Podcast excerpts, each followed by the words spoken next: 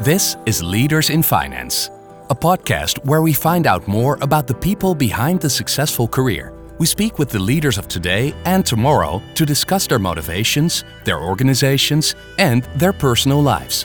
Why? Because the financial sector could use a little more honest conversation. We'd like to thank our partners for their support. They are Kayak, EY, Odgers Berndtson Executive Search, and Roland Berger.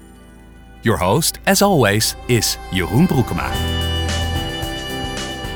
Welcome to an extra episode of Leaders in Finance, recorded live from the Ion Banking and Insurance event in Fort Voordorp here today, the 24th of November 2022, organized by EY. Today's theme is about how banks and insurers can use sustainable finance to transform their organizations and create long term value. And that is exactly what we will do today, discussing in this episode of the podcast.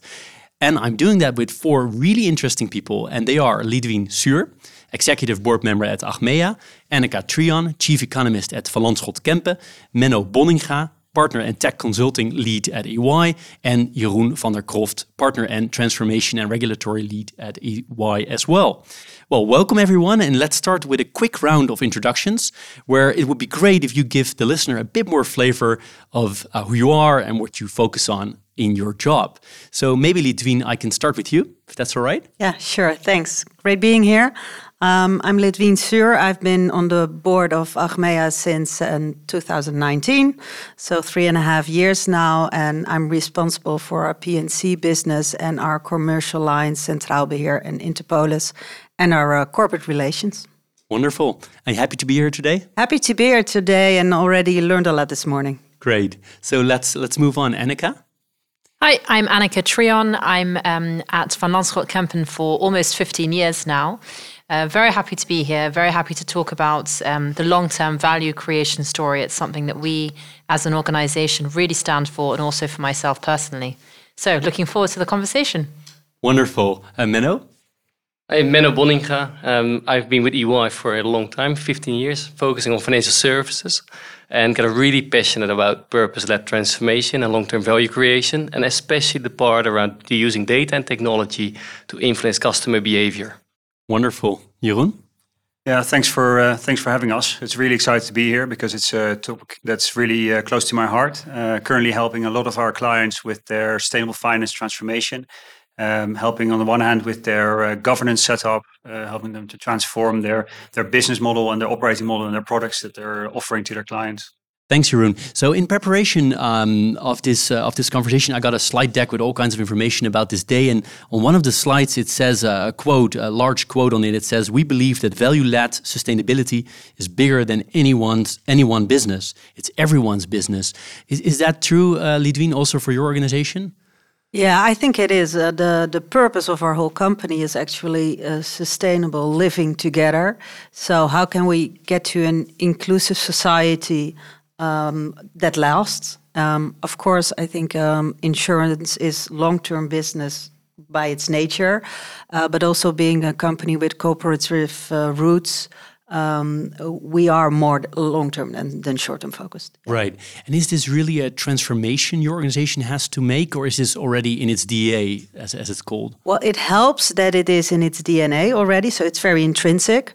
But then, of course, you see that uh, all kinds of stakeholders, your clients, your employees, all kinds of stakeholders really push us, especially on the sustainable part. And uh, we really try to combine that as well with, with, with social inclusiveness. Right. And Annika, at, at Van Lanschot Kempen, I'm really curious, is this something that has always been? I know the orientation is, is quite uh, old. Uh, is this something, a theme that has been with the orientation always, or is it really a transformation? Yeah, I mean, to your point, the age, so we are almost 300 years old. So, you know, the heritage, the long termism, it's exactly as you say, it's completely rooted in our organization.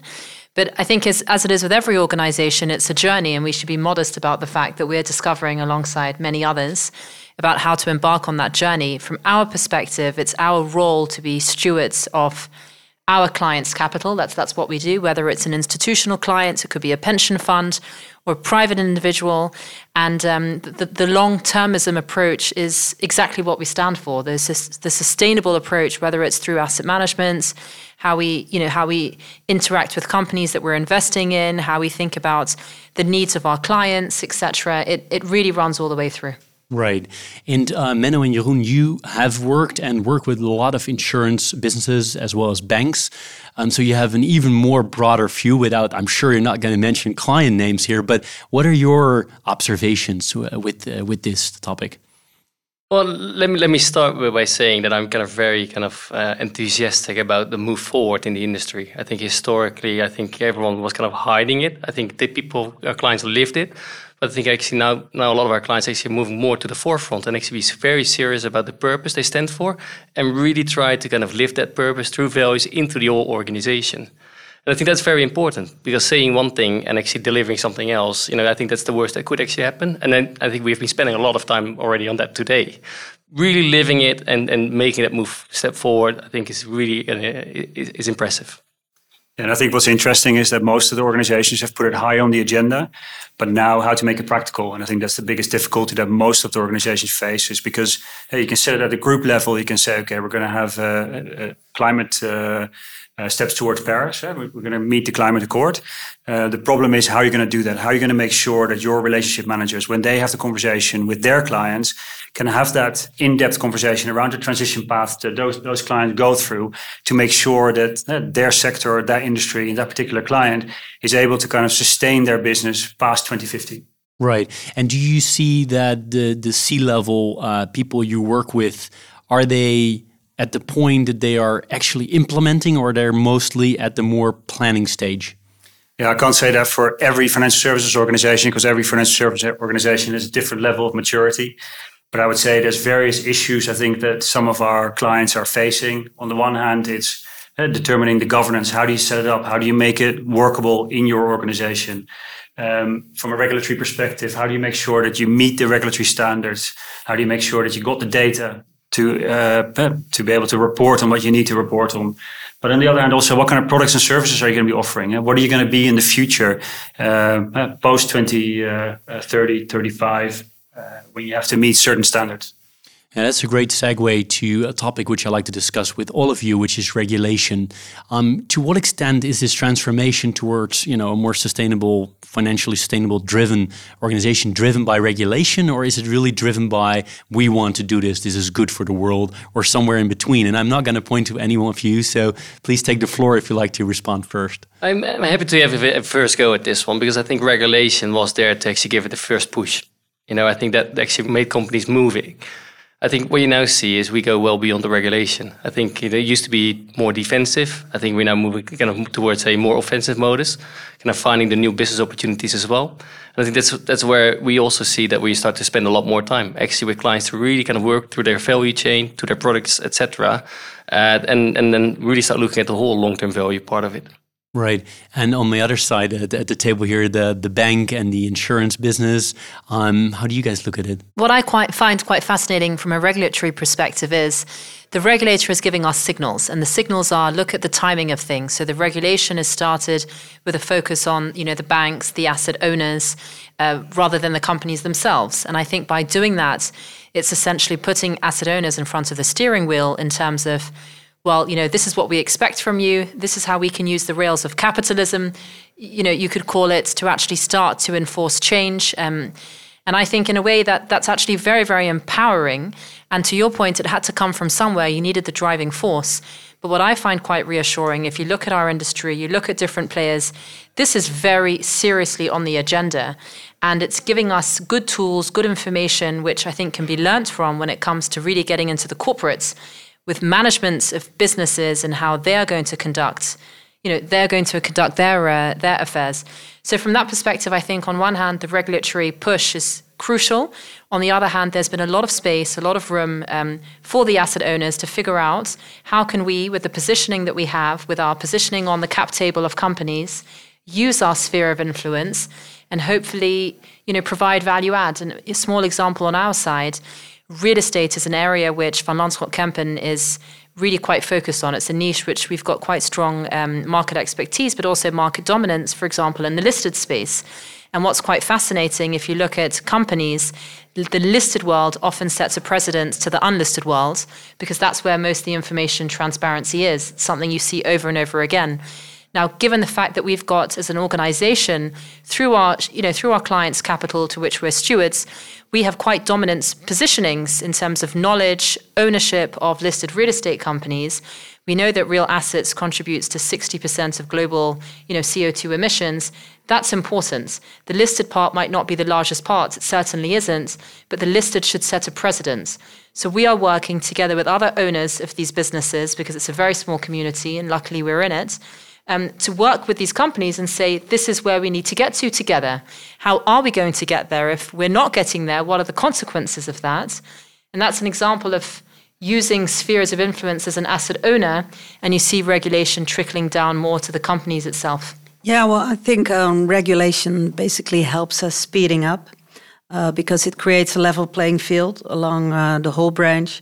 Um, and uh, you really need to work together, and we do need to work together. For instance, if you look at uh, if we have to develop the metrics of how to measure our carbon footprint of our in our whole insurance chain, for instance, for a P&C business, you have to do that together with the whole insurance industry. You cannot do that by yourself.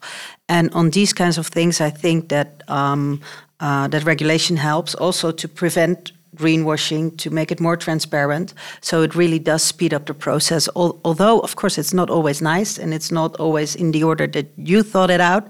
Uh, I think in the end it will help. Oh, actually, I was going to ask: Is everything positive positive about regulation? But you just well, already mentioned it's also in our industry. I think if you would ask a lot of people, they would say regulation is, is, is also a lot of paper uh, on all kinds of subjects, and here as well. It's it's very intense and it's it's a lot. Uh, but well, it's worth the cost, I guess. Right. So it is uh, what I hear here. It's a, it's a, an important push. It does help, but it could also potentially be too much. That actually is a detriment to to this whole process. Well, um, of course, also in regulation, we, we have set different stages on different times and you do have to start at the right moment because otherwise it will definitely be too much. And as as Anneke said as well of course it's difficult that it doesn't only reach your own in industry or your own company but also your clients. So if you want to go through that whole chain uh, yeah you really need uh, to know and to measure and to have the right data, and um, well, that will take time. Yeah. yeah. I think maybe maybe for me to add, I think uh, if you look at the uh, the regulation, I think it's still uh, early days. If you look at how it's been developing, it's obviously. I mean, uh, a lot of people have been working on sustainability for a long time, but if you look at the development of regulations, uh, the recent report by the ECB, where they're basically saying uh, by 2024 you need to have a transition plan in place. I mean, that's something they're really trying to push the financial services companies, and I think that's going to continue because the uh, if you look at ESG as a topic, we're now focusing on climate, but on social and, uh, and and governance. There's not so much yet out there. So uh, I suppose uh, keep a keep your eye on the press and keep your eye on the on the regulator to see what they're publishing and, and also how the uh, industries are moving. Right. And to what extent are your customers, or I mean, the customers of your customers, and I'm po pointing at the, uh, the EY gentleman, but to what extent are your customers uh, ready for this transformation? Because you could be super excited about becoming a more sustainable, driven organization, but if your customers are not, or large chunks of your customers are not, then it's obviously hard. Is that maybe I look first at the, the bank and insurance, but is do you have the feeling, in short, that your customers are ready for it? Well, our customers are definitely ready for it. Um, a lot of our customers see increases in damages due to climate change. And if they don't have it themselves, they see it around them. Think of the floods like last year in Limburg. Um, next to that, of course, the, the current energy prices helps them really. Okay, I do want to uh, uh, want to be more sustainable. My house, my car, and what does that have? What does that mean for my for my insurance policy? So we we see a lot of uh, push from our customers, and I think um, for us, it's important um, that it's going that that transition also of our customers will be an inclusive transition. So if we would only do that, for instance, through pricing, so if you have an old diesel car, you will pay more. um, then we will have more social, and then we're at the S again, a more social division in our uh, in our society that you really don't want. So how to do this in an inclusive way with enough pace? I think that's a very big challenge. Right. Annika, same for you because you guys also have customers that are with you for generations. I mean, obviously, it's a wide variety of customers, but there are customers that are over 100 years with you guys. Are, are they ready for it? Yeah, I mean, I, I would fully agree. So the customer, our client groups, our customer groups are absolutely ready for it. What we as an organization do, and I think because it resonates very well with who we are, but also resonates with the sort of customer base that we have, we really take an entrepreneurial sustainability approach. So we've actually moved away from the ESG dialogue in house much more towards a transition dialogue because that resonates more with us and we find it also resonates more with our client base, which is really thinking more from an opportuni- opportunities perspective you know the transitions um, obviously there's multiple transitions out there whether it's a food transition energy transition material transition and we bring it back to the very basics of what we do as an asset manager for example which is investing in businesses and we've actually it's, it's so incumbent in what we do. We've actually added, we've, we've always been very into high quality businesses. It's who we are. We've actually added it into our definition of what quality even is. A quality business is one which is really, you know, operating a business model that's earning its right to existence on a daily basis, given all the transitions that are taking place, and actually capitalizing on them from a from a business model perspective. That that's that's an approach which is very important for us. Right. Yeah, we're thinking what's really challenging, I think, for the the customers of your customers is uh, to kind of de- determine what their transition path should look like. Uh, you've got uh, food and agri business, for example, where you've got uh, arable land, uh, you've got uh, tractors that need to be transitioned from a combustion engine to maybe other forms of energy that are more sustainable. the transport from the land to the to the fork to the to the end user.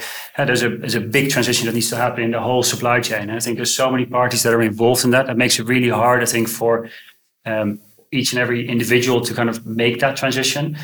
And uh, the real economy companies, uh, like the farmer or like the uh, uh, the shipping company, they need to be helped kind of to transition their uh, product to a more sustainable way. And that's something that they need financing for, they need insurance for. And I think that's where you guys come in and you can really help these companies to to transition.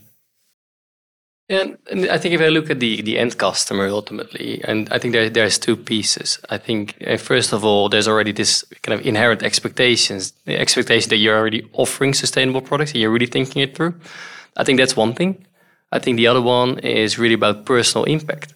You know, I think it's not only looking at large corporates, what they can do, but actually being in a position yourself where you can start making decisions about your personal finance and the way it's being invested.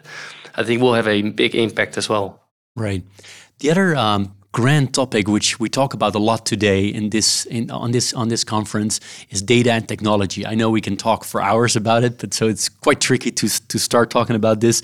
But I still will try like the role of data and technology, there's always in extremes two views, right? Data and technology is going to solve everything, and the other view is it's about the people that need to really want to change, and it's probably somewhere in the middle. But I'd love to get your views on how you use data and technology in your organizations to to make this transformation. Maybe Lidwien uh, I start with you all the time. I don't know why, but you're on my right side, so.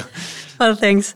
Well, I think data and technology is at the basis of this change. It is at the basis of our industry as well. Um, but we'll, we'll have to measure things in a uniform way. So that's why you need um, uh, data, I guess. Uh, but also on developing new products and services, you need data. Um, uh, you just said uh, so uh, we have to ensure the transition. That's what we need to do. But we can also make new products and services around it, for instance, um, uh, services around how to uh, how to make um, um, an apartment building uh, which doesn't have one owner but a whole a bunch of uh, owners how, how are you going to make that sustainable and with having a big insurance portfolio in these kinds of buildings we can help these owner associations in okay guys how are we going to make this uh, sustainable so the data um, is, is needed at the basis to do that in very practical terms, do you already have the people that can do that? Because it's quite hard, right? I guess you need people with very specific yeah, skills. Well, uh, that's true, and you don't do it alone. So if you live in such an apartment building right now, and you know how difficult it is to make it sustainable, we have a service. We do that uh, from Centraal Beheer, uh, but we don't do that alone. Uh, so we've made the whole process. We've uh, arranged the this, the um, uh, the EU subsidies that come with that, but we do that, of course, together with the whole a lot of companies from the real economy, as we call it, uh, to really make that change. And so that's a whole change of comp- uh, whole chain of companies with whom we do that. Yeah. Right. And can you like to add? Sure. I mean, I, I, would agree. So, data is massive in this, and it's extremely problematic and complicated. As mentioned, if the regulator is first opting to start off with the financial services industry and afterwards the underlying companies, by definition, we're going to have a data problem. Because how should the financial services industry be able to assess um, what sort of businesses they're dealing with without a sort of standard data infrastructure? And that makes it very, very challenging and also brings a lot of creativity, of course. I think the biggest issue and the biggest risk is fragmentation and a lack of a single source of truth. And given that we are still relatively immature, given that it's still rather immature in terms of you know where we want to go, what we want to achieve, and at least there on the E part of the ESG, at least there's a little bit more uniform agreements, whether it's you know temperature, degrees, etc. Um, what what we as an organization are trying to do, at least within our own within our own universe is create a single source of truth. We, we've uh, nicknamed it the big green egg because that's always fun. And within the big green egg, what we're doing is essentially, it's, it's quite straightforward, but it's really 101.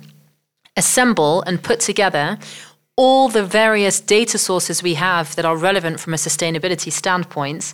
And that's our single source of truth when it comes to making, conducting analysis, um, conducting reporting, uh, you know, taking into account clients' interests, clients' uh, preferences, etc., and taking it out from there. And, it's it's so critical that we felt, well, this is something you always have a buy and build uh, trade-off strategically, but this is something we thought, no, we we want to own this and build this in house.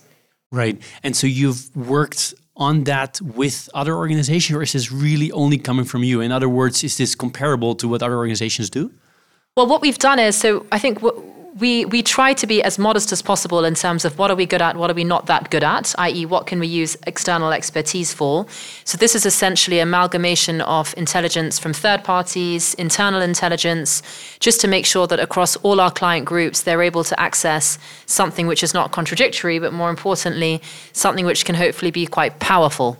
Whether other com- I mean all I think all businesses are facing similar situations, so they're all building their own data infrastructure but I wouldn't know the ins and outs of, uh, of others. I know what we're busy with. Right, makes yeah. sense. And and Menno, uh, are you seeing this as well with organizations? I guess I assume you guys help organizations a lot with with using their data and technology to to transform. No, absolutely. I think data is always a topic you can actually answer on kind of many different levels. But let me start with the uh, with the first one. I think right now most of the changes be driven through the regulation side. Uh, so I think you kind of know what the data is that you need right now, and some of the data you actually have in house, but actually other data you need to acquire, and then actually start putting it together. But I think one of the challenges that you will then see if you're a, a operating a global business, how do you make sure it's actually consistency consistent globally and massively important. So I think that's the first piece. The second piece is kind of how do you get to such an infrastructure that it is actually flexible enough because you right now know what the data is that you need to have now. But you know, you, we also know that there's a lot more regulations going to come. Uh, so how do you make sure that you're actually really flexible and scalable from that perspective? And also the use case are right now much kind of very much kind of regulatory. But I think uh, one of the things we already mentioned is it is going to become more offensive in terms of new product development. So the new use of data. So really start spending time on that. But I think ultimately, whatever you do, I think a lot of the organizations have already kind of defined the purpose, the values. I think the governance is now being put in place now you need to start kind of getting the metrics and the behaviors. And I think, you know, just to start measuring what we're committing to is also really based on data and typically technology like reporting platforms. Well, that's a lot already. So, Jeroen, it's hard to add to that, or is it not? Well, maybe I think the biggest challenge for the real economy. Uh, um, organizations is that there's so many different standards. I mean, the United Nations has uh, adopted 300 standards that uh, they feel are appropriate, and it's based on two SDGs. Uh, so it needs to be at least two SDGs. So, for example, if you're trading in uh, in textile or in cotton, basically there's 40 standards that you can uh, adhere to. So, from a financial uh, yeah financial services company perspective, that's really challenging because your client, which standard are they adopting, and does that standard meet the regulatory requirements that you have as a financial institution? Right. Thank you. That's great. So, last but not least, because we're only recording uh, around half an hour for this for this podcast, um, I wanted to ask you: Can you mention one for you largest opportunity in terms of uh, sustainable finance and transformation, the theme of the of this day's event, and uh, one for you challenge, something you see or your clients, in, in the case of EY, your clients are are, chal- are challenged with or find it hard to deal with. So, you know, I give you a little bit of time to think right now by by keep by keeping to talk. Uh, but but if someone wants to, to to to take the floor, please do. So one challenge and one opportunity. For me, the uh, the biggest thing from this day, and I think from this day onwards, is to act now. Um, most of financial institutions need to do something now to make sure that they're ready. They're able to deal with the granularity that they have to deal with in order to be able to kind of report and to have the in-depth conversations with their clients to help them with their transition. Great. And if, from my perspective, it's kind of really be proud of the fact that you can actually take the lead as a financial services sector. You know, it might be difficult, you know, because you know a lot of the pressure is being put on you, and I think you're being exposed in many many different ways. But at the same time, I think the the world is ready, and I think you need to be proud to actually take the lead. And there's no right or wrong. I think you just need to start moving. Yeah, I, I would follow on what you're saying. I think the opportunity is letting the uh, empowering the system of financial services capital markets to do the right things which is for example have different spreads in terms of cost of capital for more brown businesses versus more green businesses which fundamentally should encourage more capital into businesses which are making more impact from a sustainability standpoint. So that that's a tangible example i think of the opportunities that exist. Challenge and challenge, I would say, is keeping up with the rate at which things are changing in terms of actually executing that from a IT reporting infrastructure perspective, because there's always a time lag in that, as we all know. Yep, that makes sense. So great that you didn't start with me this time. Yeah. no, I think um, the greatest challenge is what we said: data, metrics, uniformity, and get it together as an whole industry.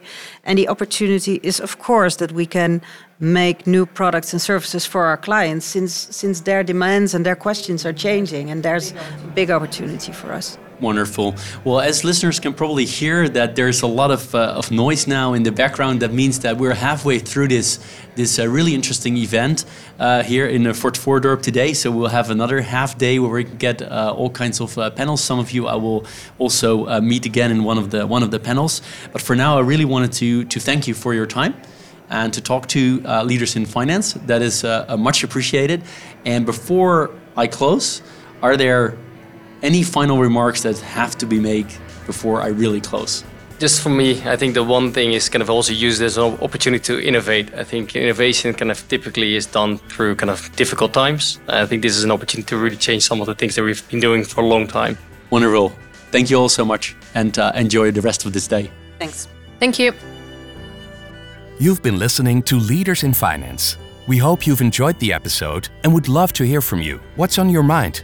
Who would you like to hear next? Tell us in an Apple or Google review, via email, or our social media channels. We'd greatly appreciate it. Finally, we'd like to thank our partners for their ongoing support. They are Kayak, EY, Odgers Berndtson Executive Search, and Roland Berger. Thank you for listening.